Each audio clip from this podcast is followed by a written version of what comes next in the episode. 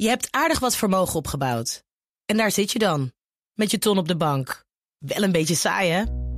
Wil jij, als belegger, onderdeel zijn van het verleden of van de toekomst? Bridgefund is een slimme fintech die een brug slaat tussen de financiële behoeften van ondernemers en van beleggers. Dus wie belegt bij Bridgefund krijgt niet alleen een mooie vaste rente, maar brengt ook ondernemers in beweging. Echt waar, met die ton kan je zoveel betere dingen doen. Bridgefund. Make money smile. De Perestrooikast. Een blik op Oost-Europa.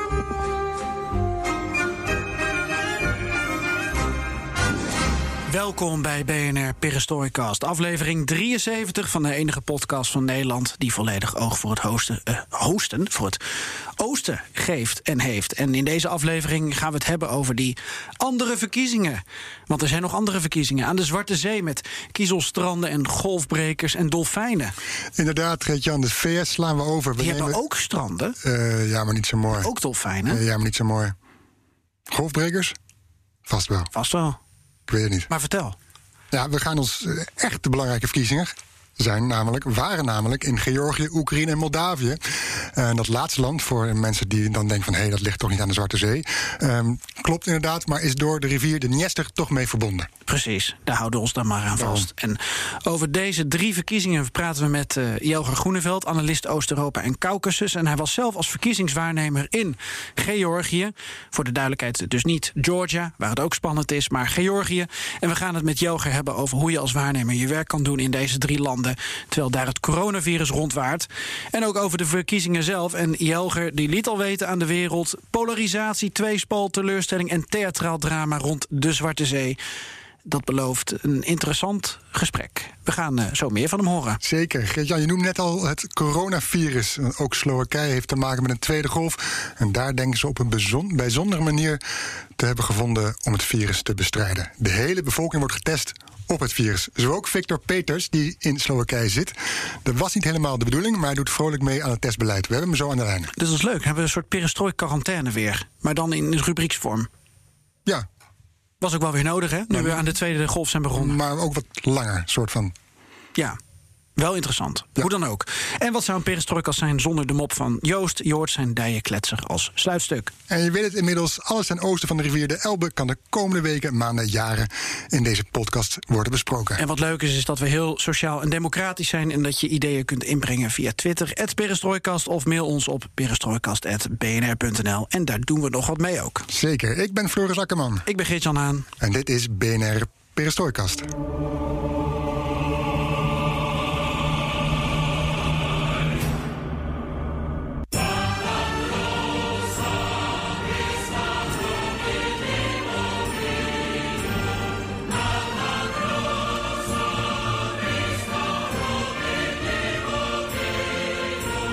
Natatruza Bliska. We hebben het er niet vaak over, het volkslied van Slowakije... en ook niet over Slowakije zelf, maar wel de moeite waard.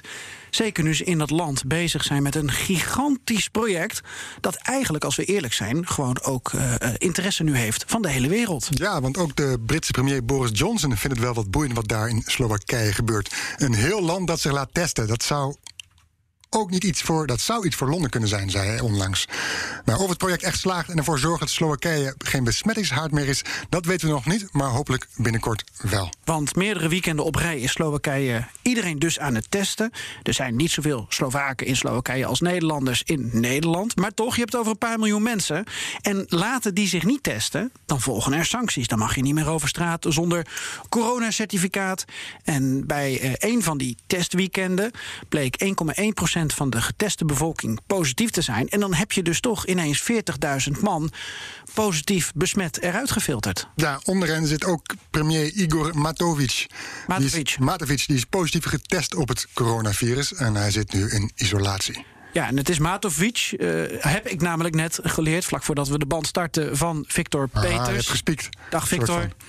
Hallo, Toch, Matovic? Ik heb gelijk, hè? dat klopt. Matovic, Igor Matovic. Ik zou niet tegen Geert-Jan durven in te gaan hoor. De man Ik- heeft altijd gelijk. Ik wel tegen Floris. dus eh, hey, ontzettend leuk dat we je eh, kunnen spreken. De aanleiding is vrij bijzonder. We hebben je vorig jaar leren kennen als uh, luisteraar van deze podcast op een evenement in Amsterdam.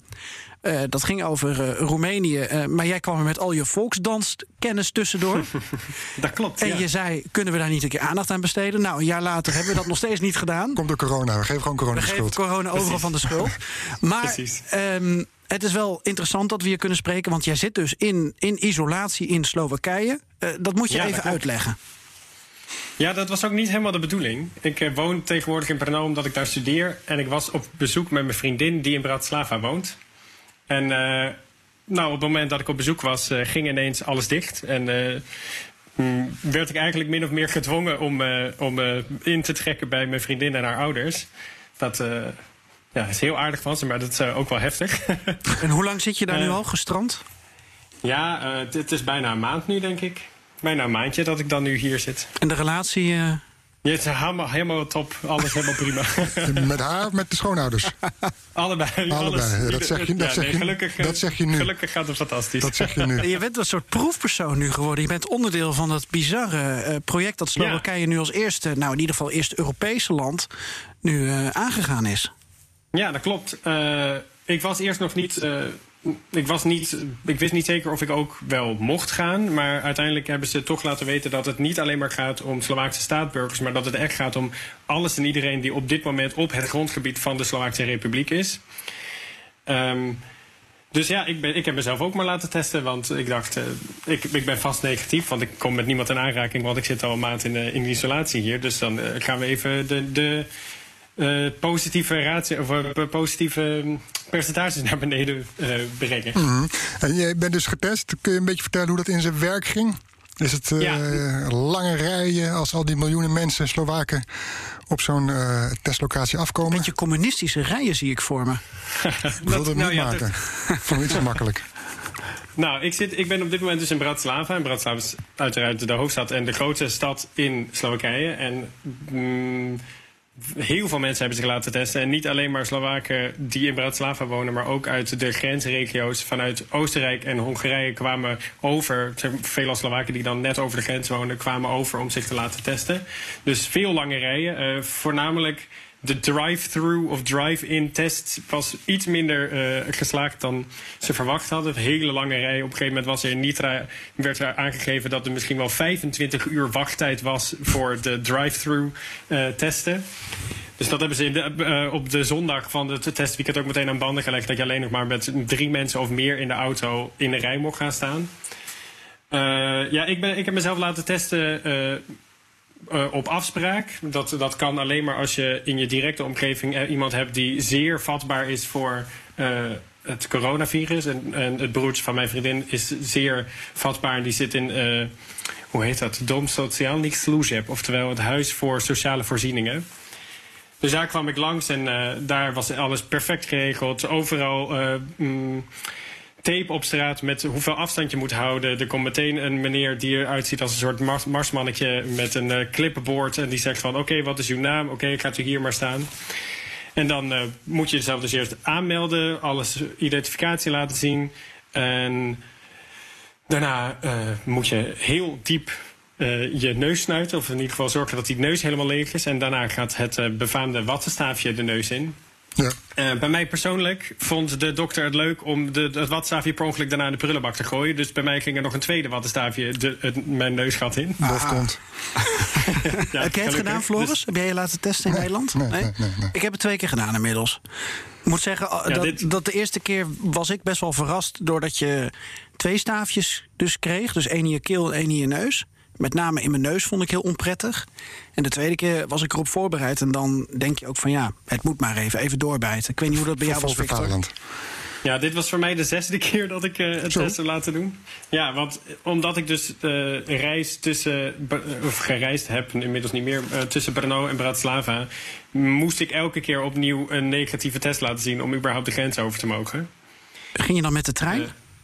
Uh, ik, ging, ik ben een paar keer met de trein gegaan en ik heb, ben, heb daarna de auto, een auto geleend. Dus uh, daarna werd ik, met de auto wordt helemaal niemand getest. Dan is dus officieel de grens dicht tussen, uh, tussen Tsjechië en Slowakije. Maar effectief, mensen houden zich er gewoon aan. Er, er werd niet zoveel gecontroleerd, maar toch kwam er bijna niemand die grens over. Want de wegen waren helemaal leeg. En nu is hij echt dicht? Hij is nu echt dicht, maar ja, ik, ik heb nu zelf ben ik ook maar gewoon braaf uh, gaan zitten wachten. Dus ik, ik, ik weet niet of er nu beter gehandhaafd wordt, maar uh, officieel is hij, is hij dicht. En, en jij testte dus negatief. Dat hoorde je, ja. kreeg je meteen te horen, toch? Ja, dat is uh, omdat dit van die antigen-testen zijn, niet de PCR-testen, die, die zijn veel sneller, die geven veel sneller een uitslag. Ja, je hebt sneltesten. Dus, ja, ja dus, dus iedereen moest ook verplicht wachten nadat de test bij hen was afgenomen op hun uh, coronacertificaat, zoals het dan heet. En uh dat duurde dan ongeveer een minuut of 15. En dan krijg je dus je certificaat met of negatief of positief. En dat certificaat is op dit moment een heel belangrijk soort van document om überhaupt nog naar buiten te mogen. Want als je nu dus zonder je certificaat naar buiten gaat, dan kan je tot volgens mij iets van 1600 euro aan boetes krijgen. Zo. Dus wel ja, re reactie deze week ook van de uh, uh, ombudsvrouw in Slowakije is dat het niet onwettelijk is dat dat uh, coronacertificaat is ingevoerd. Daar was dus discussie over.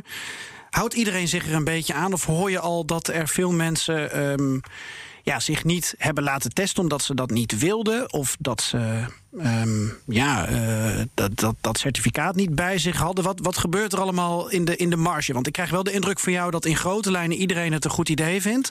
Maar waar is de weerstand? Ja. Nou, ik moet eerlijk zeggen dat voordat het hele testgebeuren plaatsvond, dat ik op, zoals waarschijnlijk uh, jullie ook wel meekrijgen, is dat de, de tegenstanders vaak vocaler zijn op de sociale media dan de voorstanders. Dus ik dacht, oh jeetje, nou, ik, ik zou blij zijn als er misschien een miljoen à anderhalf miljoen mensen opkomen dagen naar, bij die test. Uh, maar het lijkt, als je kijkt naar hoeveel mensen gekomen zijn en hoeveel mensen zich daar ook daadwerkelijk aan houden, dan denk ik dat er toch eigenlijk best wel veel uh, steun is voor het beleid van, zeg maar, voor het hele testgebeuren.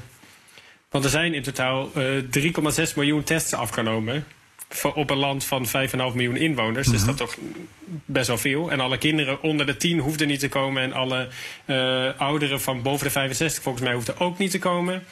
En dan zijn er mensen die dus uh, extreem vatbaar zijn, die hoeven zich ook niet te laten testen. En dan alsnog 3,6 miljoen. Dat is toch best wel, best wel een flink aantal. Maar dan uitgesmeerd over meerdere weekenden. Dat moet je nog even uitleggen. Nou, dit gaat alleen maar over het afgelopen weekend. Ja, Deze die, die 3,6 miljoen. Ja, ja die 3,6 miljoen is, is alleen dit weekend. En uh, het, het zouden twee weekenden zijn. En uh, Matovic, de premier, heeft uh, nu net volgens mij gisteren of eergisteren laten weten dat in sommige uh, regio's de tweede weekend niet doorgaat vanwege het extreem lage aantal positief besmetten. Dus bijvoorbeeld in Bratislava komt er geen tweede testweekend, omdat er uh, maar 0,3% positief getesten waren. Wat in totaal maar iets van 700 mensen waren. Oké. Okay. Nou, ik zou denken, maar, als je toch het materiaal hebt en je hebt de hele infrastructuur opgetuigd, gaat dan ook alles eruit filteren. Ja, nou ja, dat, hij, Matovic is uh, een premier die uh, nogal op. Uh, hij kan een beetje. Hij, hij, ik zou altijd zeggen dat hij, dat, hij, dat hij misschien een beetje emotioneel is of dat hij mm, ad hoc reageert. En als hij dan denkt, oh, dit is een goed idee, dat hij dan ook al een persconferentie houdt met zijn idee zonder dat hij bijvoorbeeld de president heeft ingelicht of de rest van zijn kabinet. En ik denk dat om een beetje in het goede daglicht te komen bij de tegenstanders, dat hij, dat hij nu dan dus zegt van oké, nou bij de regio's waar er weinig uh, positieve tests uh, gevonden zijn, dan, dan oké, laten we het maar zitten. Wat, wat bracht de Slovaakse regering er tot toe om deze manier van coronabestrijding te hanteren, die vrij bijzonder is? Want niet iedereen, niet elk land pakt op deze manier aan.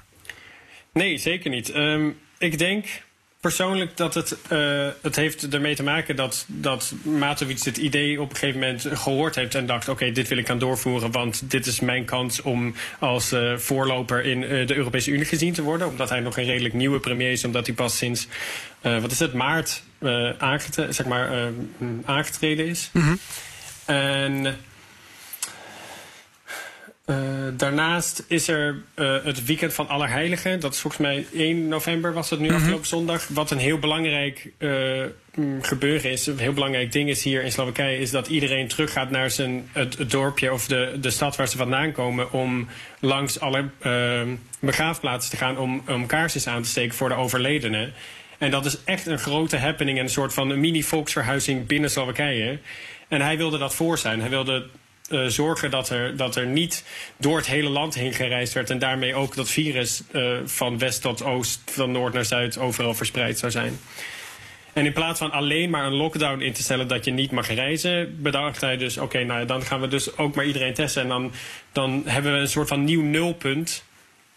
Uh, omdat, het, omdat Slowakije heel hard Tsjechië achterna ging. Ze, waren eigenlijk, ze zaten precies op dezelfde lijn qua exponentiële groei van besmettingen als Tsjechië, maar dan twee weken uh, eerder. Ja. Dus om dat tegen te gaan, zei hij: Oké, we, wil, we willen dus een nieuw nulpunt. We gaan zorgen dat we alle, zoveel mogelijk in ieder geval, positieve uh, of besmettelijke gevallen eruit halen. En die moeten nu allemaal verplicht tien dagen in quarantaine. Ik had dat ook gelezen dat uh, het aantal besmettingen in Slowakije, als je kijkt naar dat Slowakije drie keer minder het bevolkingsaantal van Nederland heeft. Ze hebben ook ongeveer drie keer minder het aantal besmettingen nou gehad.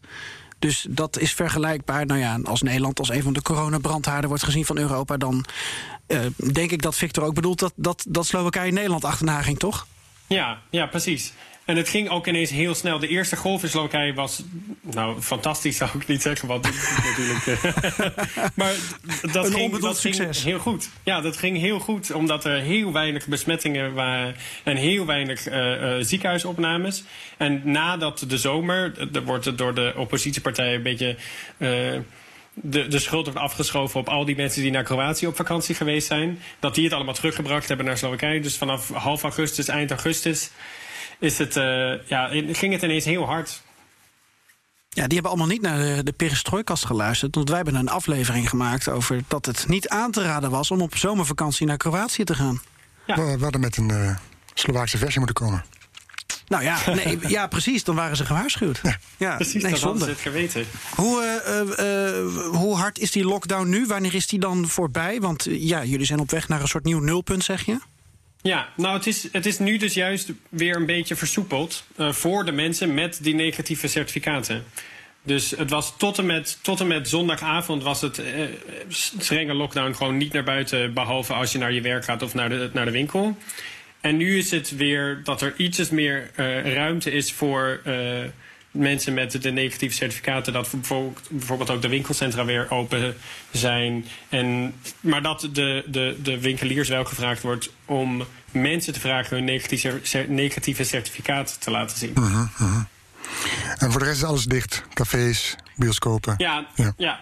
Uh, er, waren nog een, er zijn nog wel. De, er, is, er is een beetje een soort van limbo over of terrassen nou wel of niet open mogen. En voorlopig heb ik nog niet meegekregen dat mensen op de bond geslingerd worden als ze wel hun terras open houden. -huh.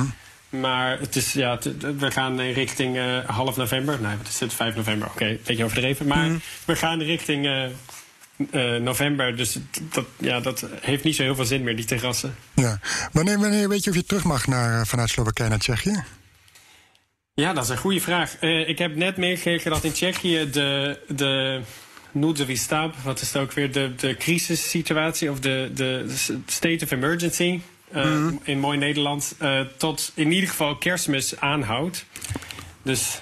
Oké, okay, ja, de noodtoestand, ja.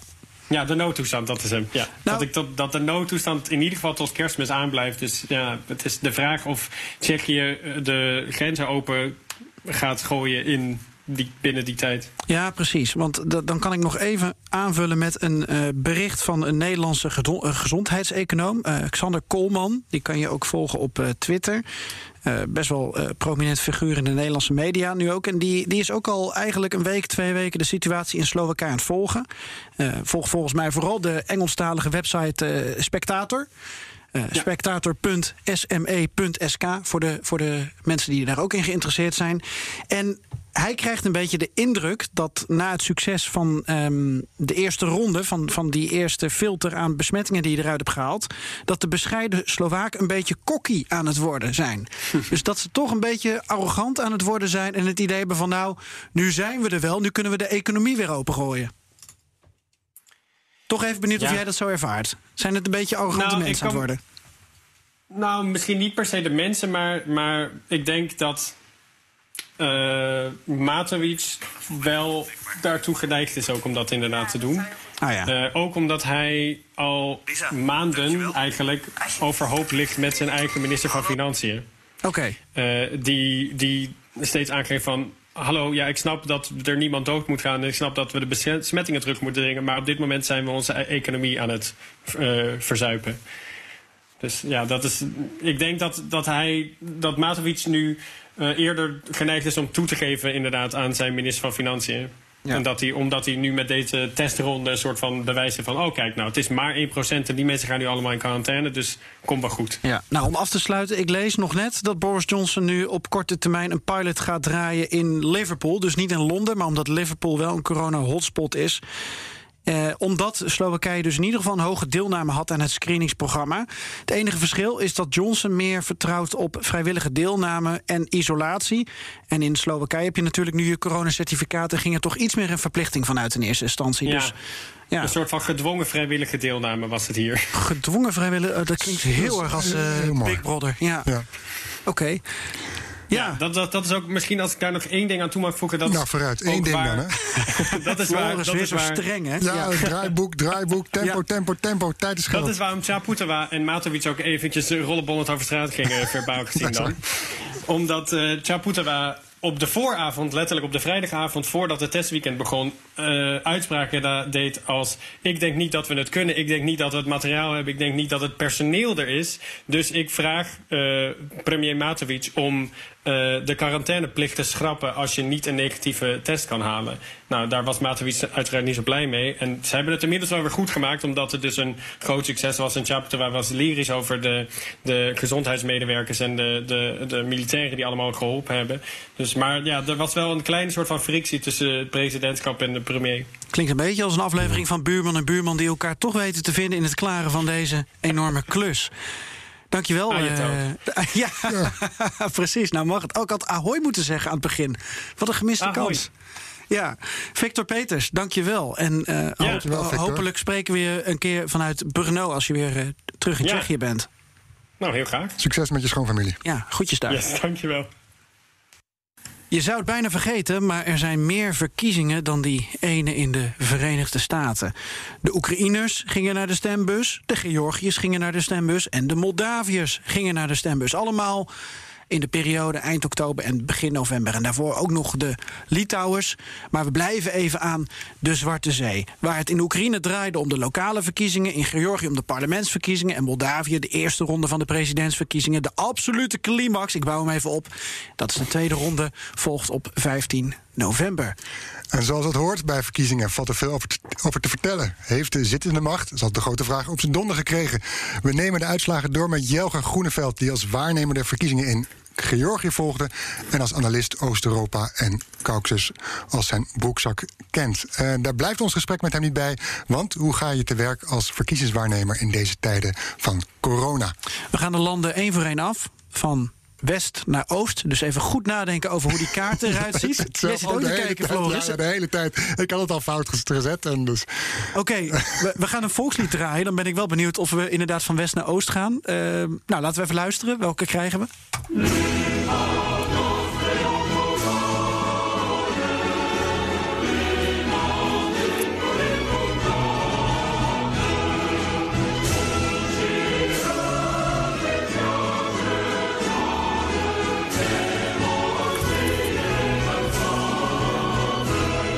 Ja, het is dan maar net hoe je van west naar oost redeneert.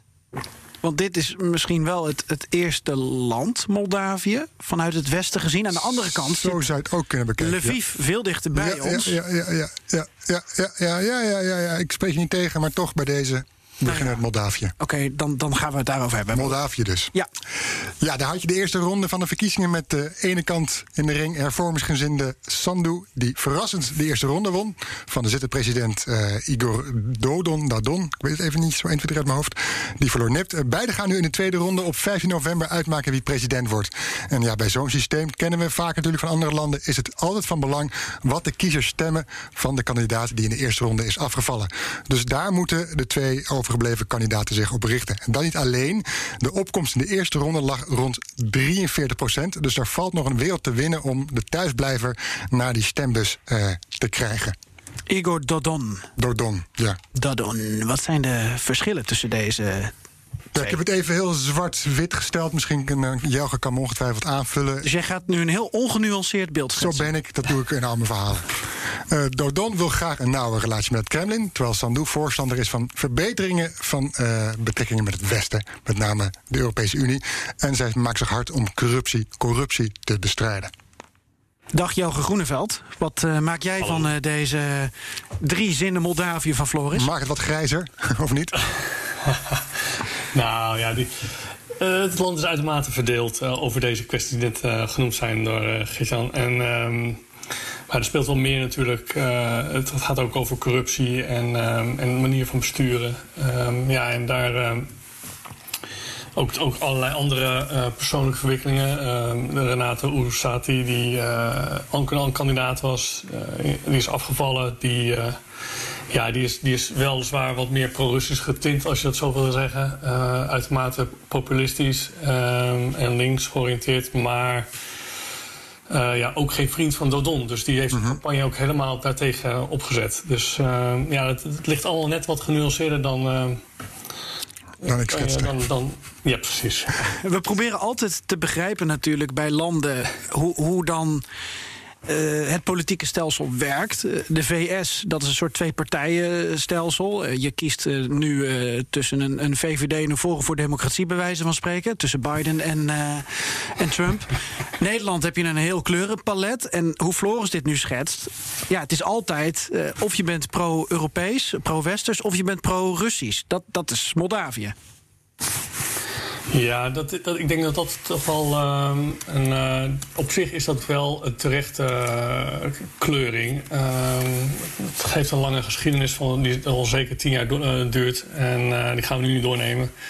Maar ehm, ja, dat is, dat is een van de grote. Het, het grote getouwtrek om het land mm echt, om mee te maken. Ja, met Transnistrië natuurlijk als, als uh, blok aan het been, om het zo even te zeggen. Dat ja, het uh, ja. bevroren conflict waar Rusland. Uh, ja. Inderdaad. het, land, het land kan zich niet echt ontworstelen aan, aan deze tweespalt in de samenleving. Daarom, echt, echt, een verdeeldheid. Jelger, we, we, gaan het met jou alleen maar hebben over landen waar een bevroren conflict is. Ik zie een patroon. Eigenlijk wel, ja. Ja, absoluut. Ja. Dat is een, ja. Floris, we hebben nog meer vragen hè, van luisteraars. Ja, we hebben er eentje van Marjolein. Die vroeg zich af of uh, ja, als Sandu president wordt... is er dan echt verandering, verandering mogelijk? Hè? Kan zij, uh, kan zij, is zij opgewassen om die corrupte macht te doorbreken? Ze zegt zelf dat ze, uh, Sandu bereid is. Hè? Ze gaat die strijd met corruptie aan. leuk dat je en de vraag stelt en ja, daarom, ik pak er gewoon Wat is het antwoord? ja. dat geef ik nu. Ik pak gewoon die hele aflevering, neem ik niet voor mijn rekening. Um, ja, de Moldavië, eigenlijk wie Moldavië zegt... denkt al snel ook aan corruptie tot aan de politieke top toe. Ook daar heb je oligarchen die de dienst uitmaken. Corruptie achtervolgt ook Dodon, de huidige president. En dat is ook een van de redenen dat hij niet met zijn concurrenten uh, in debat wil. Sandu heeft gezegd van dat ze alle staatsinstellingen wil schoonmaken van corruptie van corrupte individuen. En ja, het is haar sterke punt dat ze. Ja, zij gaat, kan echt op uh, voor haar integriteit. Dat is echt haar, haar sterke, punt, sterke punt. Of daar lukt natuurlijk om die corruptie te verjagen. Ja, dat hangt eerst af hoe ze die tweede ronde of ze die gaat winnen of niet. Terwijl dat is makkelijk, hè? want de, de zittende macht moet altijd zich verdedigen tegen de uitdager die zegt van hé, hey, ja, wat er nu zit, dat is corrupt. En dat is niet integer. En we hebben die verhalen natuurlijk ook vaak gehoord. Uh, ik ga even de bezem door de, door de kast halen en dan blijkt dat die ene, die nieuwe president minstens zo niet meer corrupt is dan de vorige. En dan de vraag van Pelle die hierop aansluit. Hoeveel kans maakt Sandu in de tweede ronde?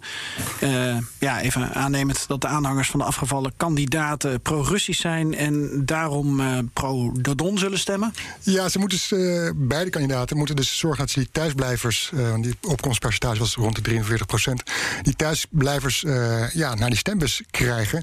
En het is ook zaak om een van de kiezers, de kiezers te pakken van die verliezende uh, presidentskandidaten. En Jelgo noemde het al, die Renato Oussati.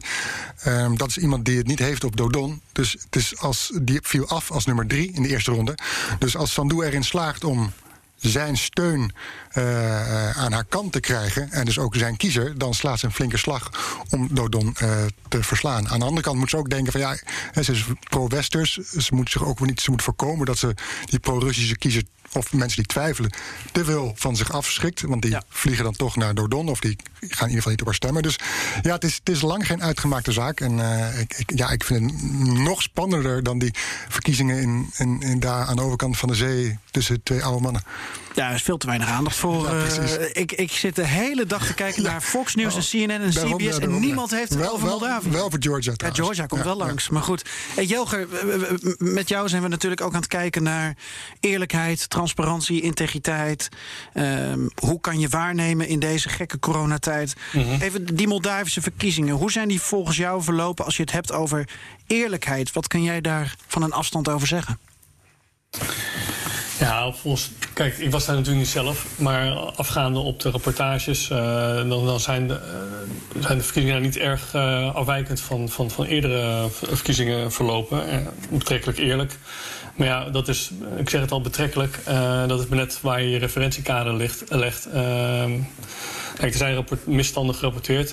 Het vervoer van mensen, of kiezers, naar verschillende districten. eh, het betalen voor stemmen. eh, intimidatie van kiezers bij stemlokalen. Dus dat zijn toch wel serieuze zaken. Of ze echt de, de uitslag hebben beïnvloed, dat is natuurlijk altijd maar de, de vraag. Eh, uiteindelijk gaat het nu om, eh, om, om de, beslissing van, de, van of, er een, of er een tweede ronde nodig is. Ja, die was er nodig. En ja, met al die misstanden erbij. ehm, was dat niet echt heel veel, als je dat zeg, eh, zeg maar niet geweest zou zijn, dan was de uitslag niet heel veel anders geweest. En de achterstand met eh, de nummer drie, die is ook echt, eh, of van de nummer drie, die is ook echt eh, te groot om, eh, om dat allemaal nog anders op zijn kop te hebben gegooid, zeg maar. Dus nee, eh, er zijn wat procedurefouten geconstateerd in, in stemlokalen. En dat zou je meer als, als een gebrek aan eh, professionaliteit kunnen zien.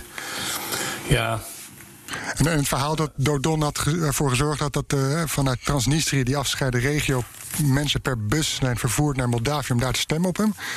Eh, Dat is wel iets wat dat, dat blijft rondzingen rond de eerste, eerste ronde.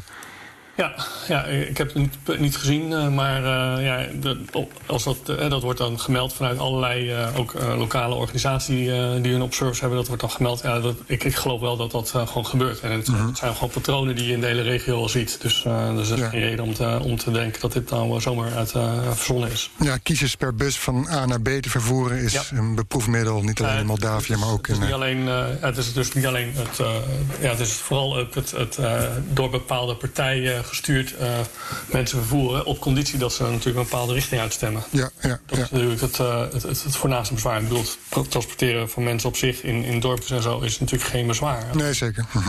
Om het eh, niet alleen te hebben over het eh, eh, bijna standaard eh, frame, maar wel een soort van terechte frame van je kiest op een pro-Europese of een pro-Russische partij. Even kort, zijn er bepaalde eh, zaken in het land die, die dan ook belangrijk zijn voor stemmers? Dus dat ze betere huisvesting willen of betere zorg? Of gaat het er echt alleen maar om, nou, die wil eh, naar links en die wil naar rechts? Nou, het ging hier volgens mij in deze verkiezingen vooral om, om de corruptie. Eh, en, en ook de corruptie aanpak vooral. Eh, eigenlijk is Dodon de enige geweest, kandidaat hier, eh, hier in deze verkiezing geweest... die, die zich niet heeft willen uitspreken over of het betrekken van daarvan in de campagne van, van corruptieaanpak. Ja. Ja, en die heeft zich daardoor gewoon echt helemaal gedrukt. Ehm, Hij mijt, hij mijt een debat met. ja, precies. Ja. En alle, alle andere kandidaten hebben zich duidelijk uitgesproken voor het bestrijden van corruptie. Ja, dan afvragen of, eh, eh, of in hoeverre ze daar ernst in zijn hebben. Maar ehm, ja, dat is in ieder geval wel eh, naar de bevolking toepraten. Op zijn minst. Ja. En ondanks, nee, dat, ondanks dat hij aan de macht is, heb jij dus in ieder geval net gezegd dat de verkiezingen betrekkelijk eerlijk zijn verlopen. Ehm, heeft, ja, als op de dag zelf, ja. ja, oké. Eh, Het coronavirus, heeft dat daar nog een rol gespeeld bij het waarnemen? Eh, jazeker. Ehm, je hebt dus, ehm, er zijn verschillende organisaties, internationale organisaties zoals de Raad van Europa, ehm, de OVSE, die sturen eh, monitors. Ehm, met name de OVSE is daar actief natuurlijk in via de ODIR, de OD, ODIHR. Eh, die gaat over de verkiezingsmonitoring. Eh, die sturen sowieso eh, altijd een lange termijn observatie. Die gaan vooral kijken naar het voorverkiezingsklimaat. Maar op de verkiezingsdag zelf sturen ze veelal honderden monitors. En dat is nu in alle drie de landen waar we vandaag over spreken gewoon niet gebeurd. Omdat men moeite had met het recruteren van, van deze mensen. Eh, en dat had niet te maken met, eh, met de, de, eh, de organisatie aan de, aan de, in het land van verkiezing. Maar alles te maken met dat, dat dit ook maar een vrijwillige zaak is. En dat deze mensen, deze monitors, bij terugkeer... in, bijvoorbeeld eh, met, met quarantainemaatregelen worden, worden ge, ehm, hoe dat? Geconfronteerd. geconfronteerd, inderdaad. Ja. En dat heeft hen ontmoedigd. En daardoor kon de, OVSE niet genoeg monitors eh, bij elkaar vergaan. Hebben ze die missie eh, geannuleerd. Dus dat, daar, daar heb je het gewoon over voor Moldavia. 200 eh, waarnemers die niet gestuurd zijn. Ja, dat heeft toch behoorlijk impact. De OVSE heeft- had nu maar tien, eh, tientallen Ja. waarnemers. Ja, dat is toch echt wel fors. Dan, en ja, dan heb je dus geen oog op de grond. Ehm, ja, en op die manier wordt toch de internationale legitimiteit in zekere zin gecompromitteerd. Ja. En voordat we doorgaan naar het. eh, ja, je, zit, je hangt nog een beetje in je Engels natuurlijk, hè, omdat je uit, eh, Ja. uit Georgië komt. En, en het voltooid deelwoord, dat werkt dan net wat anders in het Nederlands. Eh, voordat we het over het volgende land gaan hebben, hebben ze dit voor de tweede ronde in Moldavië dan wat beter op orde, denk je? Of maakt dat niet zoveel uit? Nee, dat, ik denk dat dat geen, geen, ja, dat het niet, geen verschil gaat maken. Ehm, eh, kijk, eh, nee, dat, dat gaat, dat gaat geen verschil maken. Daar, bedoel, dat, eh, dat is nu over twee weken of tien dagen zelfs maar. Eh, dat gaat niet anders werken. Nee. Oké, we blijven het eh, volgen. En eh, zoals je dat dan eh, zegt, Floris. Zeker. Fox News staat aan. Zou ik zeker doen.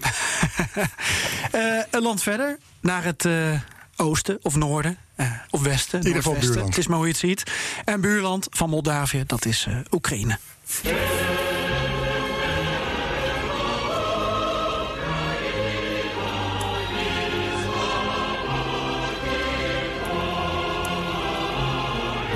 Lokale verkiezingen op 25 oktober.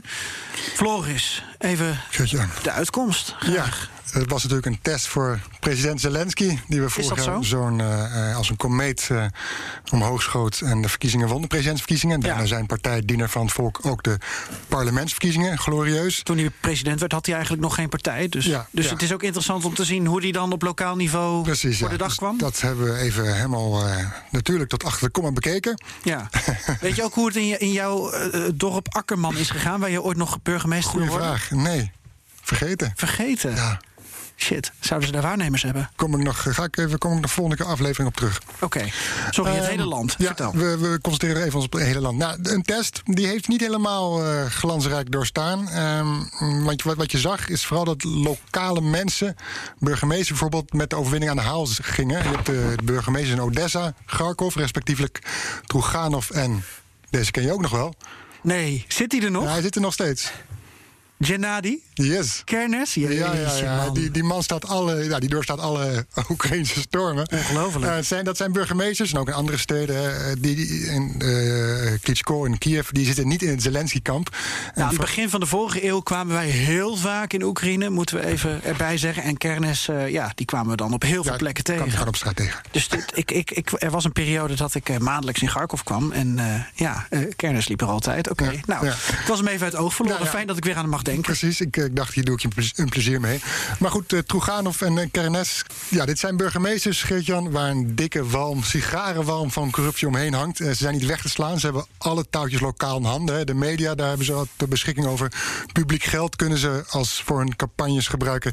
Dus daar kom je ook als landelijke partij, eh, die naar van het volk van Zelensky. Zelfs zo'n partij kom je daar niet zomaar tussen. Kom bij dat uh, Zelensky's partij eh, niet echt een, een gerichte campagne in de regio's voerde. Zelfs in zijn eigen geboorteplaats pakte, uh, ja, wist zijn partij niet het burgemeesterschap te pakken. Moet je me even helpen? Geboorteplek van Zelensky? Uh, ik ben hem even kwijt. Maar je weet wel dat in zijn geboorteplaats ja, hij ja, ja, niet burgemeester werd. Ja, nou, zijn, zijn vertegenwoordiger van zijn partij. Ga door. Ik zoek het intussen op. Ik heb geen belletje zoals bij 2 voor 12, maar ik kan dan wel zo Is goed. Ik, ik, hoor het binnen 10 seconden graag. Um, er komt nog een tweede ronde aan, halverwege november. Maar ja, dat, dat, lijkt in sommige gevallen uh, gewoon een formaliteit. Um, Jelger, ik doe het even in vogelvlucht. Uh, wat, hoe kijk, keek jij vanuit uh, jouw blik naar deze verkiezingen in Oekraïne, deze lokale verkiezingen? Uh, ja, eigenlijk beschrijft het net al een beetje goed. Uh, het hing al helemaal in de lucht uh, dat, dat, dat het sprookje Zelensky toch wel in, echt in een neerwaartse vlucht is gekomen. Um, Kriviri, dus, ook wel bekend in het ja. Russisch als Krivoy Rok. Ja, dat, dat in. Ja, okay, nu weet ik hem. De geboorteplaats, kijk. Mm -hmm. Ja. Ga door. Ga door. Heel belangrijk hoor. Hij is, kijk, hij is natuurlijk uh, met zijn servant of the people, de dienaar van het volk. Uh, dat heeft hij toch wel een beetje. Uh, ja, is op, op de achtergrond gekomen.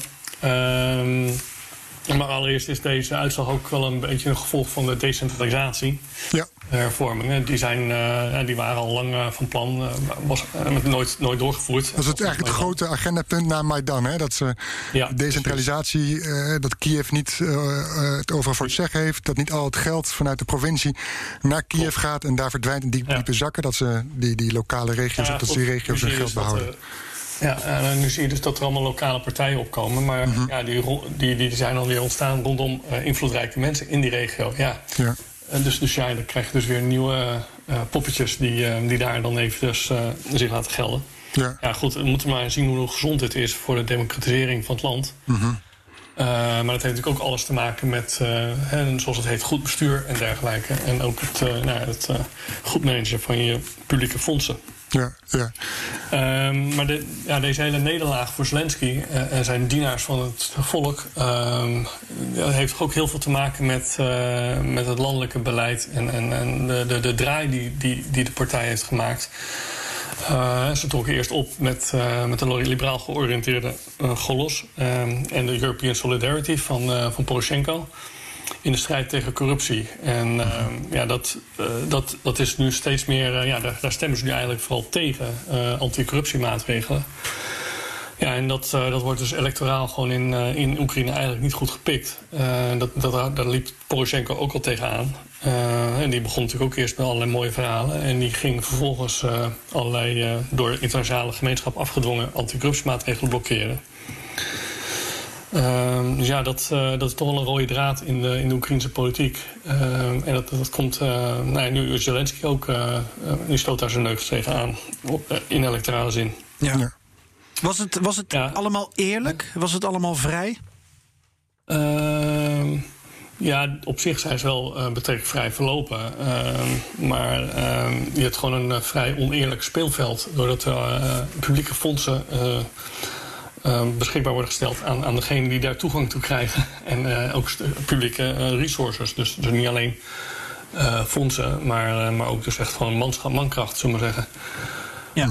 Um, ja, en daardoor krijgen ze gewoon een scheef speelveld. dus, dus dan kunnen de verkiezingen wel betrekkelijk vrij zijn verlopen. Um, maar ja, dan is het speelveld gewoon nog steeds niet gelijk. En dan, dan struikelen de kleintjes die struikelen dan over de wortels. En uh, ja, de anderen vliegen er gewoon overheen. En ook hier weer... Uh, uh, sorry Floris. Nee, nee, ga dus, nou ja, ik wilde nog... Oké, okay, dan zal ik eerst? Ja, ja. Nou, ja? dit, tenzij, tenzij ik hem moet vertellen. Ja, onze non-verbale communicatie is vaak toch wat lastig. Maar ook al zien we elkaar nu. corona, toch nog even benieuwd. welke rol bij het waarnemen? Ja, hier zouden. Ik haalde net al aan dat de observatiemissies uh, uh, gewoon eigenlijk geannuleerd worden. Uh, en dat speelt hier ook. De OVC zou hier 600 mensen of waarnemers toesturen. En die zijn allemaal niet gegaan. dus dan hangt het, allemaal, hangt het af van, van of de, de, de diplomatieke missies en of wat internationale organisaties die daar zitten. Andere, dus bijvoorbeeld NGO's. Um, ja, de beperkte uh, slagkracht van de OVC uh, voor de lange termijn missie, ja, die, is, die is echt te beperkt zo'n groot land als Oekraïne. En uh, ja, die zijn dus heel erg afhankelijk van de lokale NGO's. Um, je had het eerder over, jou, over uh, die corruptiestrijd die Zelensky in het begin uh, aanbond. In, in zijn begin van zijn regeerperiode samen met die twee andere partijen.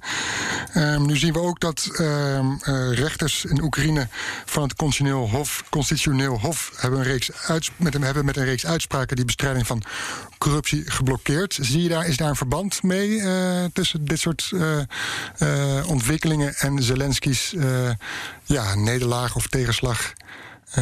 Ja. bij de verkiezingen.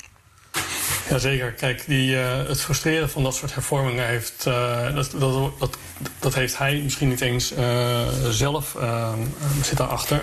maar uiteindelijk wel degene die hem ondersteunen, politiek en, en maatschappelijk. En in de media wordt gesteund door uh, Kolomoisky, de oligarch achter zijn, of die daar zijn tv-show heeft jarenlang heeft gefinancierd en uitgezonden. Uh, ja, dus uh, en Kolomoisky die heeft helemaal geen interesse in, uh, in die corruptiebestrijding. Um, dus zo zie je dus dat, dat dit soort oligarchen, die dus financieel ja, noem je embedded zijn in, of geïnvesteerd zijn in, in die politieke leiders, dat die dus gewoon uiteindelijk dit soort hervormingen gaan, gaan zitten dwarsbomen. En dat verklaart ook die draai die, die Zelensky waarschijnlijk die, die, die, die Zelensky heeft gemaakt het afgelopen jaar. -hmm. Um, ja, en de bevolking, die, die, die, ja, dat is al eigenlijk al jarenlang uh, een ding. Uh, de bevolking die wil daar gewoon uh, serieus werk van gemaakt zien worden. En ehm, ja, die pikt dat dus gewoon niet, zulke soort draaien. En die nee. doorzien dat ook. Ja, het, het, gevolg hiervan is wel, dat is op, dat, dat, dat de opkomst bij dit soort verkiezingen nu gewoon echt onderuit vliegt. dat is nu gewoon bijna 10% lager dan, dan vijf jaar geleden. En dat is op, uh, op, op uh, nou, het is nu een 37 procent. Dat is toch echt wel ja, een hele lage opkomst. Uh, zelfs voor, voor een land als Oekraïne. Ja. Het vertrouwen in de politiek neemt gewoon af. En, en mensen haken af. Dan gaan we per boot maar naar een, een, land waar misschien iets meer vertrouwen is in de politiek. Ik weet het niet, maar Joger komt er net per vliegtuig vandaan. Uh, Floris, nog even kort. Heb jij nog een tripje naar Oekraïne gepland staan trouwens? Uh, niet concreet, wel in mijn hoofd. In je hoofd. En waar ga je in je hoofd heen? Naar Oekraïne. Oké. Ja, je ziet wel waar je uitkomt. Ja, daarom ja. Oké, goed. Gaan we nu uh, over de Zwarte Zee naar Georgië.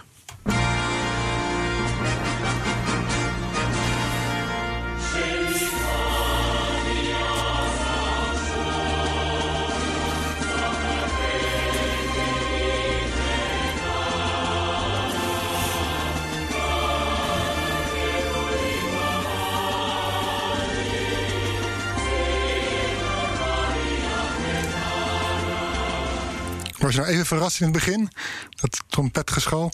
Ik vond het mooi. Ja, hè? Maar het klonk een beetje alsof de Britse koningin uh, elk moment uh, hier binnenkwam. Tafisu Pleba. Ja, zoiets. Klopt dat, Joge? Tafisu Pleba? Freedom? Tafus Pleba, ja, ja. Vrijheid. Ja. ja, het nationale volkslied van Georgië moeten we vaker draaien. Ja, dat was de eerste keer dat we hem gedraaid hebben. Hij stond niet in, uh, in onze data. Terwijl we met Jelger uh, ook nog een aflevering hebben gemaakt over uh, Georgië, over het toerisme in tijden van corona. Maar toen hebben we denk ik het volkslied. Toen zaten wij natuurlijk ook in een soort lockdown. Hadden we waarschijnlijk niet de mogelijkheid om het volkslied even erbij te plaatsen. Dus er zat de muziekdatabase waarschijnlijk op slot. Ik denk het, ja, ja om ervoor te zorgen dat er geen virus in de database kwam. Uh, Floris. Geert-Jan, Georgië why, dus, Georgia, uh, why? parlementsverkiezingen. Verkiezingen met een staartje. Een staartje? Een staartje, ja. Oké. Okay. Uh, daar gaan we het zo even over hebben met Joga. Die kan het uitgebreid vertellen omdat hij daar zat. Um, de partij Georgische Droom, gevormd in 2012 door de oligarch Ivanishvili, uh, won de parlementsverkiezingen. Ivanishvili? Ivanishvili won de parlementsverkiezingen. Even, Jelger, Ivanishvili? Jazeker. Ja, ja, Ivanishvili. Ja, dat weet ik van al die voetballers. Dat je dat weet. altijd zo soepeltjes uitspreekt. Ja, die stomme voetballers. Ja. Won de, hij won de parlementsverkiezingen, althans zijn partij. En nam het op tegen de oppositie natuurlijk, logisch. Die wat meer verenigd was dan anders. In de hoop om eindelijk die achtjarige heerschappij van Georgische Droom te doorbreken. Dat lukte dus niet. Maar daarmee zijn deze verkiezingen niet, uh, niet afgerond. Uh, de oppositie legt zich niet bij deze uitslag neer. En daar wil ik meer van weten van Jelger. Want die was tijdens de uh, parlementsverkiezingen ook in Georgië. Ja, welk land zat je nou? in Georgië. in mijn mind, hè? Ja. um, Wat is aan de hand? Ja. Ja, er is best wel wat aan de hand, um, inderdaad. Uh, nou, de hele oppositie, die, uh, ook, geen, ook uh, partijen die niet verkozen zijn in het parlement, die 18 partijen in totaal, die hebben zich verenigd. En dus ze weigeren de parlementszetels in te nemen uh, die hen toekomen, hun mandaten. En uh, ze zijn van oordeel uh, dat de verkiezingen dermate irregulier zijn verlopen dat, ja, dat ze ongeldig verklaard moeten worden. Uh, dat is een oordeel dat, waar, waar de internationale gemeenschap niet toekomt, maar de oppositie in, in Georgië wel. Mm -hmm. spreken van vervalste en gestolen verkiezingen. En dat, dat geldt trouwens ook uh, in, in, in, een beetje een, uh, een beetje een zijsprongetje. Dat geldt ook voor de Supreme Council in de autonome deelrepubliek Adjara, die aan de Zwarte Zee ligt, uh, de toeristenplaats Batumi. En daar is afgelopen zaterdag ook een verkiezing voor geweest. Ja, en daar geldt dezelfde oppositiepositie voor. Um, Oké. Okay. Ja, en, en, en, ja, ze weigeren. Er is over twee weken een, een, een tweede, ronde, tweede ronde voor de districtzetels. Um, 16 van de 30. In het parlement. En ja, daar, daar gaan ze ook niet aan deelnemen. Jij zit er heel goed in, Jelger. Even voor de luisteraar die jou niet kent. hoe kan het dat jij zo ongelooflijk veel weet van het politieke stelsel van Georgië? Nou, ik, Niet te beschrijven. Uh, ben al een uh, enige tijd, meer dan tien jaar, uh, ja, volg ik het land. En kom ik er vaak. en ik organiseer hier ook regelmatig werkreisjes naartoe. Wijncursussen? Nou, dat zou misschien een goede, goed idee zijn. Dat moet ik de volgende keer maar doen. Floris, jouw wijnboer kan wel bijdragen, denk ik, hè? Um, ja, denk het ook wel. Dat hij wel interesse heeft, ja. Ja, ja. Maar goed, dan weet de luisteraar even. Jij hebt er al een, een ruim tien jaar ervaring mee met dat land. Uh, dus jij kwam daar eigenlijk toen, ik denk, uh, Saakashvili uh, daar aan de macht was. Ja, zeker. Ja. ja ehm, met met Sandra ja, Roelofs natuurlijk. Ja. Is het goed om nu een paar vragen van luisteraars er al bij te betrekken... en dat we dan, uh, ja, dan doorpraten over wat er allemaal aan de hand is... wat je net kort al hebt uh, uitgelegd? Ja, zeker. Floris, zullen we met de vraag van Niels beginnen? Ja, ja, ja. Uh, Niels vraagt, het ontbreekt Georgië aan pluriformiteit in de media en in het parlement. Staat dit een gezonde democratie in de weg? Is een hele mooie vraag. Volgens mij zit Niels ook zelf in Georgië. Of hij is in ieder geval groot fan van het land. Ja, want ik ja. zie hem altijd op Twitter met een Georgisch vlaggetje. Dus Niels, deze is voor jou. Nou, Niels. Jo. Uh, daar komt hij hoor. Komt-ie. Hebben we nog een muziekje erbij? Tadaa. Uh, het, uh, nee, het parlement is uh, eigenlijk pluriformer geworden met deze verkiezing. ja, als de oppositie tenminste de zetel neemt. maar um, ja, dat is vooral onder, als gevolg van, van hervormingen die onder zware lokale en de internationale druk tot stand zijn gekomen afgelopen voorjaar. Uh, jarenlang gesoebat geweest over, over uh, ja, hervormingen in het electorale stelsel. En, nu is er dan eenmalig een, een verlaagde kiesdrempel van 1%. en zijn, het, zijn de districtmandaten ver, verlaagd, dus het aantal mandaten. Dat waren er eerst 73, er zijn er nu maar 30. Waardoor dus zeg maar het, ja, de, de grote partij de, het min, minder voordeel eruit haalt. Nou ja, goed. Um, er zijn dus nu gewoon negen partijen in het parlement gekozen als ik goed heb geteld. Mm -hmm. En, uh, ja, dat, maar de vraag is even of dat tot een sterker parlement leidt. Um, de verreweg de meeste fracties die, die zijn niet groter dan vier uh, parlementsleden. Ja, uh, dat schiet natuurlijk niet heel erg op. vrij gefragmenteerd. En de twee grote kemphanen, Georgische Droom en de, en de UNM-partij van, van de aangehaalde oud-president Saakashvili...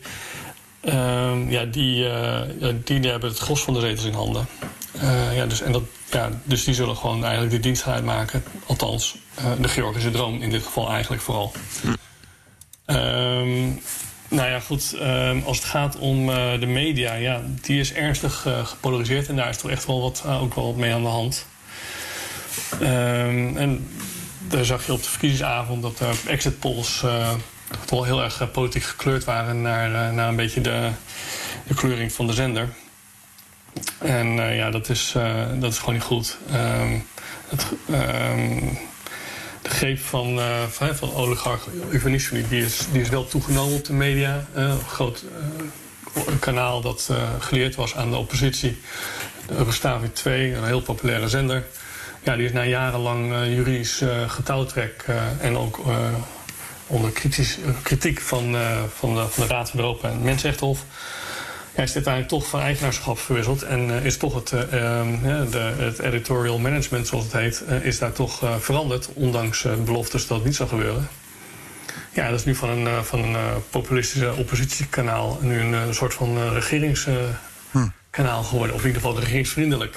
Dus ja, je ziet daar gewoon wel verschuivingen dat die niet gezond zijn voor een democratie. Dus, dus, ja, de vraag van, van Niels moet ik echt twee, tweeledig beantwoorden in dat opzicht. Ja, ja. Ik weet niet, Floris, hebben wij een breaking news geluidje in onze muziekdatabase waar we nu weer bij kunnen? Geen idee. Verwacht je iets alle, alle minuut? Er komt echt net nieuws uit Oekraïne binnen. Dat uh, Zelensky heeft uh, Sergej Trofimov ontslagen.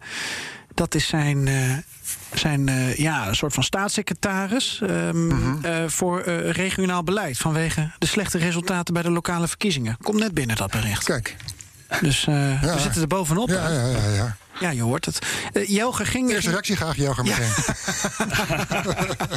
Wat ging er door je heen toen je dit hoorde? Hoe is de sfeer? Nou, en, het is dan eens aangebroken. Ja.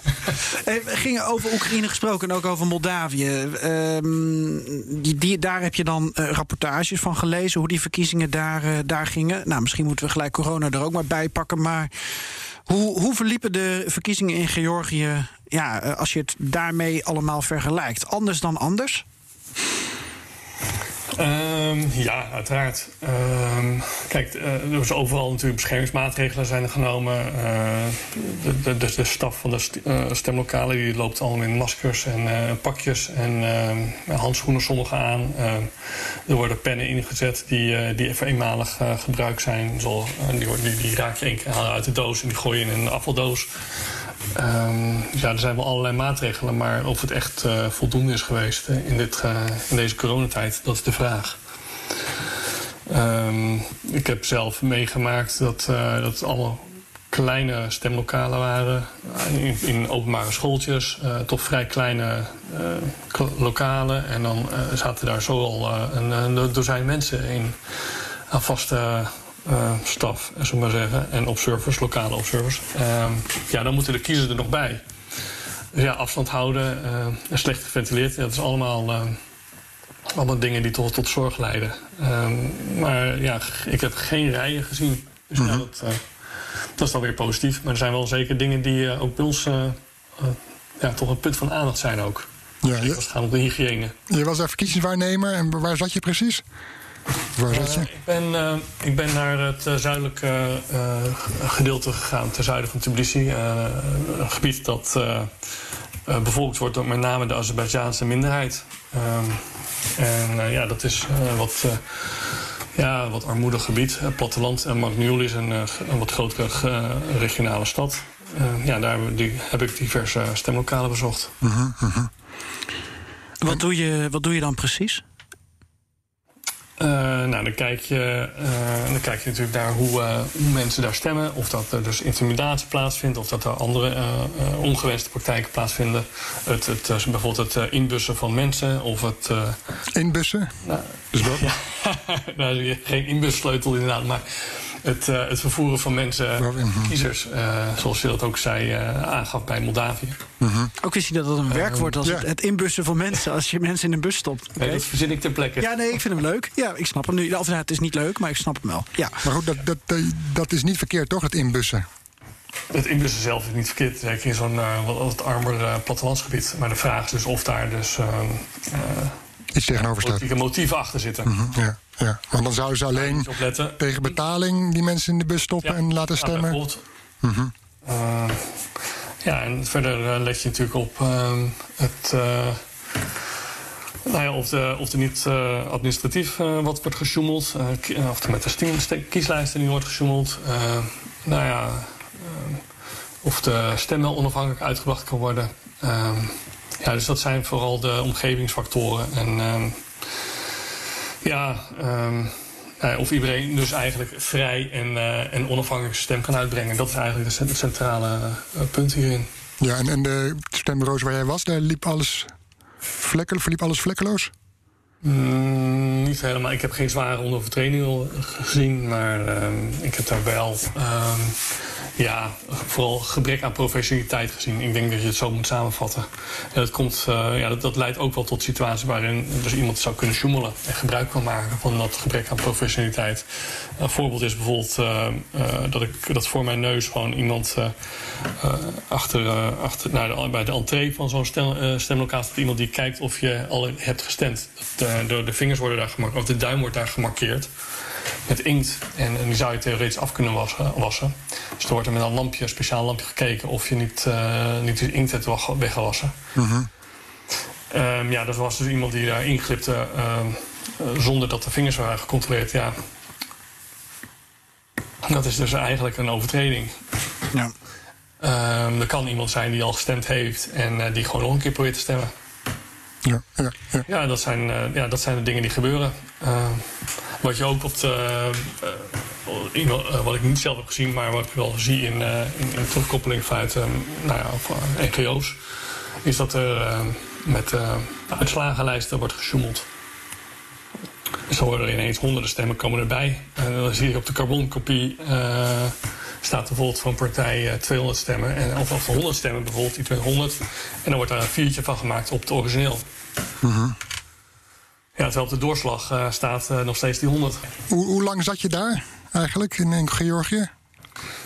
Uh, ja, ik ben een week geweest, -hmm. van maandag tot met maandag. Um, dat was ook vooral omdat het kwam ook logistiek zo uit. Dat was best het meest praktische, maar ik heb ook van de dagen gebruik gemaakt om, om met verschillende actoren te spreken. -hmm. Politici, uh, mensen in het maatschappelijk middenveld, uh, diplomaten of oud-diplomaten. Uh, ja, dus, dus zo kom je tot, uh, tot een, een, breder beeld van, van wat er speelt en wat er, wat er gebeurt. Ja, nog even terug naar de actualiteit. We hadden het even in het begin van, het, van dit gesprek over Georgië over dat die oppositie de, aan het muiten is geslagen, om het zo maar even te zeggen. Ja. Um, die zijn nu het parlement toch aan het boycotten? Of hoe, hoe ontwikkelt zich dat momenteel verder? Ja, zij, um, zij proberen eigenlijk uh, nieuwe verkiezingen af te dwingen. En hopen dus vooral um, uh, dat internationale gemeenschap ook uh, hun zal ondersteunen hierin. want daar schort het op dit moment aan. tenminste, in het oordeel van de internationale gemeenschap is er geen aanleiding voor nieuwe verkiezingen. Um, ja, ze, hun, hun, hun eigenlijke agenda is op dit moment om, om een, uh, dat de verkiezingscommissie of de verkiezingsautoriteit dat die uh, een ander leiderschap krijgt. Want ze hebben het vertrouwen niet uh, dat die dus alle disputen die ingediend zijn op een, op een goede en neutrale manier kunnen afhandelen. Ja, Mhm. -huh. Daarmee dus dat, dat de verkiezingen eigenlijk volgens hun ja, niet op een legitieme wijze afgehandeld kunnen worden. Ja, ze dat is, en, ja, hm? Sorry, ga door. Nou ja, dat is dus eigenlijk het centrale punt op dit moment waar ze op uit zijn. Zie, zie, en, dus, en dus in uh, snap elections, dus nieuwe verkiezingen. Ja, zie je dat ook gebeuren of is het uh, beuken tegen een dichte deur? Uh, op, dit, op, dit, ja, op dit moment uh, houdt de Georgische droom, die dus, ja, de regering, die houdt de poot stijf. die, die beweegt op dit moment totaal niet. is ook, lijkt ook die concessie bereid. Dus, de, dus er lijkt zich op dit moment in ieder geval een padstelling te ontwikkelen. -hmm. Uh, ja, afhankelijk van, van wie, uh, wie als eerste gaat buigen. Ja. En ja, dat, ik denk dat dat ook wel afhangt van, van, van de reactie van de, van de internationale diplomatie in, in Tbilisi. Ja. Ehm, dat hebben we ook al gezien eerder met, met de padstelling rondom de, de, de, de hervormingen van het kiesstelsel. Dat is iets van een, een slepende kwestie van, van een aantal jaren geweest. Dat is vorig jaar opgespeeld na de protesten. En uh, dat is pas eigenlijk uh, na, na, herhaalde, niet nagekomen beloftes van de regering... uiteindelijk uh, afgelopen voorjaar pas afgewikkeld onder zware internationale druk. -hmm. um, dus jij ziet nu een nieuwe padstelling uh, ontstaan op deze wijze. En ja, ik, ik, vermoed dat de enige uitkomst is dat, dat de internationale gemeenschap hier iemand tot bewegen toe oproept. Ja, want jij, je, je, zei, zei, eerder dat de oppositie zich beklaagt over de verkiezingen die niet uh, correct zijn verlopen. En ja. daarom dat ze daar nu uh, tegen, zich tegen verzetten. En jij als verkiezingswaarnemer, hebben ze een punt? Heeft de oppositie hierin uh, gelijk? Ehm, ja, ik vind het heel lastig om te beantwoorden. Um, um, ik, ze hebben op zich een punt dat, uh, dat er van een land, uh, een land als Georgië, uh, daar mag je echt wel meer langzamerhand van verwachten. Dus zeg maar toch een beetje het, het, het, nou ja, het misschien een beetje groot woord, maar, maar van het EU-Oostelijk partnerschap is het toch wel de, ja, de, de, de best performende lid van het land, partnerland. En um, ja, daar wordt ook wel het meeste van verwacht. En je ziet nu gewoon uh, toch een aantal jaren een, uh, een vorm van stagnatie en, en ook wel enige regressie of teruggang uh, als het gaat over democratisering. Mm -hmm. Dus ja, ik denk dat ze eigenlijk, als je, het, als je het daar naartoe vertaalt, heeft de oppositie zeker wel een punt dat de, dat de standaarden toch wel wat hoger gelegd mogen en moeten worden. Ja, ja en, en in die zin denk ik ook dat ze daarop uit zijn. Dus ja. ze hebben in die zin een punt. Maar als, als, als je het even sec uh, over de overtredingen uh, uh, die er zijn geweest hebt, dan, dan de uitslag was niet radicaal anders geworden. Dat zei ik net ook met Moldavië. Ja, de, de uitslag, en daar gaat het ook, ook wel een beetje om natuurlijk in het, in het eindoordeel. Was de, is, is de uitslag radicaal anders of fundamenteel anders uitgevallen dan... ja, dan, dan als de schendingen er niet zouden zijn geweest. -hmm.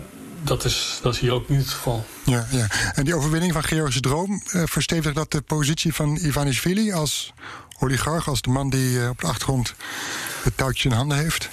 Ja, dat is ook een beetje tweeledig iets. Uh, ja, het verstevigt zijn, zijn positie wel. Maar het, het, maakt hem ook nu steeds meer Noord, afhankelijk van zich, zich verstevigen in, in die positie. Hij was natuurlijk acht jaar geleden een beetje de bevrijder van, van wat sommige mensen het, het Saakashvili-regime, het, slechte Saakashvili-regime noemden. Ehm, ja, zo zou ik het al niet willen worden, maar in ieder geval zo zagen heel veel mensen dat destijds in Georgië. En uh, zij. Um, um, nou ja, nu is het inmiddels zover dat hij zeg maar een soort van boeman is geworden. -huh. Niet, voor, niet voor een groot deel van de samenleving, maar voor een ander groot deel wel. En je ziet dus dat hij onderdeel is van een polariserend landschap van de maatschappij. -huh. Saakashvili tegenover um, Ivanishvili. Uh-huh. Beide heren zijn nu al uh, echt al heel lang dominant aanwezig in de Georgische politiek. Ook al is Saakashvili nu in, in het buitenland. en kan hij niet zomaar terug naar Georgië. Um, maar ja, um, kijk, Ivanishvili die zal dus als hij de macht moet afstaan op een onvrijwillige wijze. Dan, dan, dan, dan, zal voor hem toch ook een, een, hele vervelende situatie ontstaan. En ja. dat wil hij denk ik steeds meer vermijden. Ja, ja.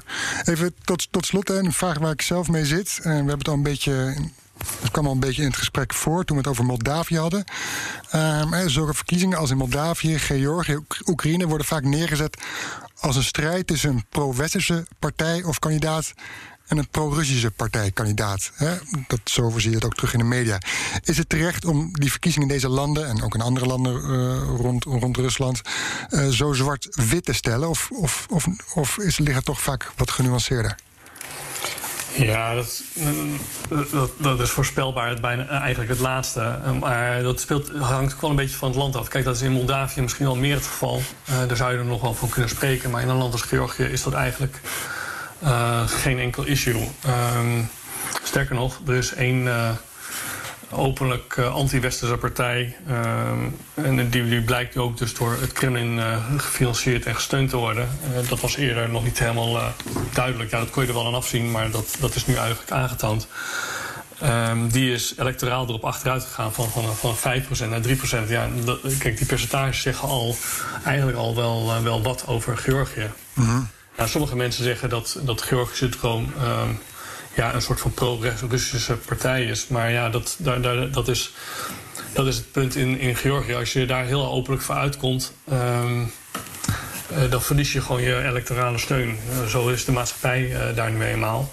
Mm -hmm. Dus, dat, ja, de, dus dat wordt op, sowieso helemaal gemaskeerd als dat al zo is. Um, ja, en dus, dus, in Georgië speelt het eigenlijk niet. Het zijn vooral de pro, uh, het zijn allemaal pro-Europese of pro-Westerse uh, of, of, of, partijen die de, hè, de partijen die graag uh, meer Europees willen samenwerken. In ieder geval in woord.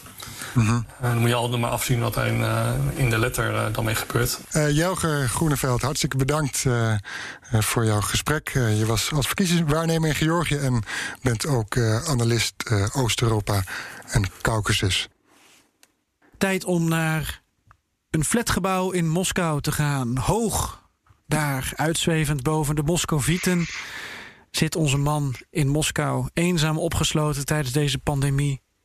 Joost Bosman. Ongeveer een jaar geleden was ik daar nog. Wat is dat nou weer voor toevoeging? Ja, leuk, sentiment. Hallo Joost. Jij beschrijft die flat en ik zie het gewoon voor me in mijn kamer. Hallo, ja, daar zit ik nu weer. Ik dacht dat deze mop om Joost draaide. Uh, ja, dat komt toch wel. Oké. Okay. Prima. Joost, heb je Floris het afgelopen jaar gemist? Hij is al een jaar lang niet meer uh, in jouw bed geweest. Ja, als kiespijn. Ik zit nu weer op zijn kamer en dat doet mij, uh, dat doet mij deugd. Ja, want uh, zeker leren kamer. Joost vroeg laatst van wanneer gaan we weer eens borrelen via Zoom. Dus hij mist me ja. wel zeker. Ja hoor, ja, nee zeker. Absoluut. Kom maar weer eens langs, uh, Floris. Dat, ja, dat kan, ik makkelijk, kan ik makkelijk zeggen, want de grenzen zijn toch dicht. Dus. nou, jij ook bedankt voor de uitnodiging. Um, aan mijn adres. We gaan gewoon samen. Hij heeft echt weer een voorkeur voor, voor de helft van de perestrooikast. Partia Julikov i Warov. Warov. Warov. Ik, ik ben Warov. Warov. We gaan het hebben over uh, de Doema, Joost. Je hebt een uh, mop klaarstaan. Mm En we zijn benieuwd. Nou, komt-ie. Zegt de ene Rus tegen de andere. Het is toch verbijsterend om te zien hoeveel overeenkomsten er zijn tussen Doema-leden en krankzinnigen. Nou, zegt die andere Rus, hoe dat zo? Nou ja, zegt die ene Rus. Moet je kijken, ze zijn wettelijk niet aansprakelijk voor hun daden. Ze worden onderhouden op kosten van de belastingbetaler. Ze zitten geïsoleerd in speciale gebouwen, in een wereld vol illusies en hebben een heel ver beeld van het echte leven. En tot slot, ze doen niets. De hele dag niets. En als ze iets ondernemen, zou het beter zijn als ze dat niet deden. Wauw. Mooi. Klinkt heel erg als een, uh, een mop die ook door een, een, een 19e eeuwse Russische auteur uh, had kunnen worden bedacht. Ja. Beetje ja. Oblomov-achtig. Uh... Ja, het, het, het, het, het, het, het is eigenlijk uh, van alle tijden, denk ik, voor Rusland. En misschien zelfs wel ook wel voor Nederland, ik weet het eigenlijk niet. Ja. Hoewel, hoewel, ik denk dat wij in Nederland toch beter af zijn met onze parlementariërs dan in uh, Rusland. Al wordt er veel over geklaagd natuurlijk in Nederland. Maar ik denk dat het niet zo terecht is. Ja, maar deze mop moet het goed doen in Rusland zeker, hè? Want, want die Duma-leden en, en Poetins partij in Rusland, die... Uh, ja, iedereen vindt het een geweldige mop. Dat kan niet anders. Ja. Excuus dat ik wat slecht in mijn uh, klemtoon uh, zit vandaag. Uh, Joost, Ablomov, toch? Ablomov. En ja. Partia Zhulikov Ivarov. ja. Partij van schurken en dieven. De strijdkreek van Navalny. Ja. ja. Overigens gaat het alleen over Verenigd Rusland. Ja, hè? Ja, Hij ja. niet over de andere. Maar goed, dat is allemaal één pot nat. Maar die vallen eigenlijk een beetje samen, dus dat maakt ook niet zoveel uit. Nee. Dankjewel voor deze zeer inhoudelijke mop, Joost. En begrijpvol. Begripvol. Be begrijp, begrijpelijk. Begrijpelijk vol. Ayato. Ja, ik, ik, heb, ik heb hem erop uitgezocht. Ik denk, uh, laat ik die jongens eens een keer een mop vertellen die ze begrijpen. Heel goed. Je voelt ons met je zak naar ons niveau. Dankjewel. Mutsumesk. Pakka. Graag gedaan. Pakka.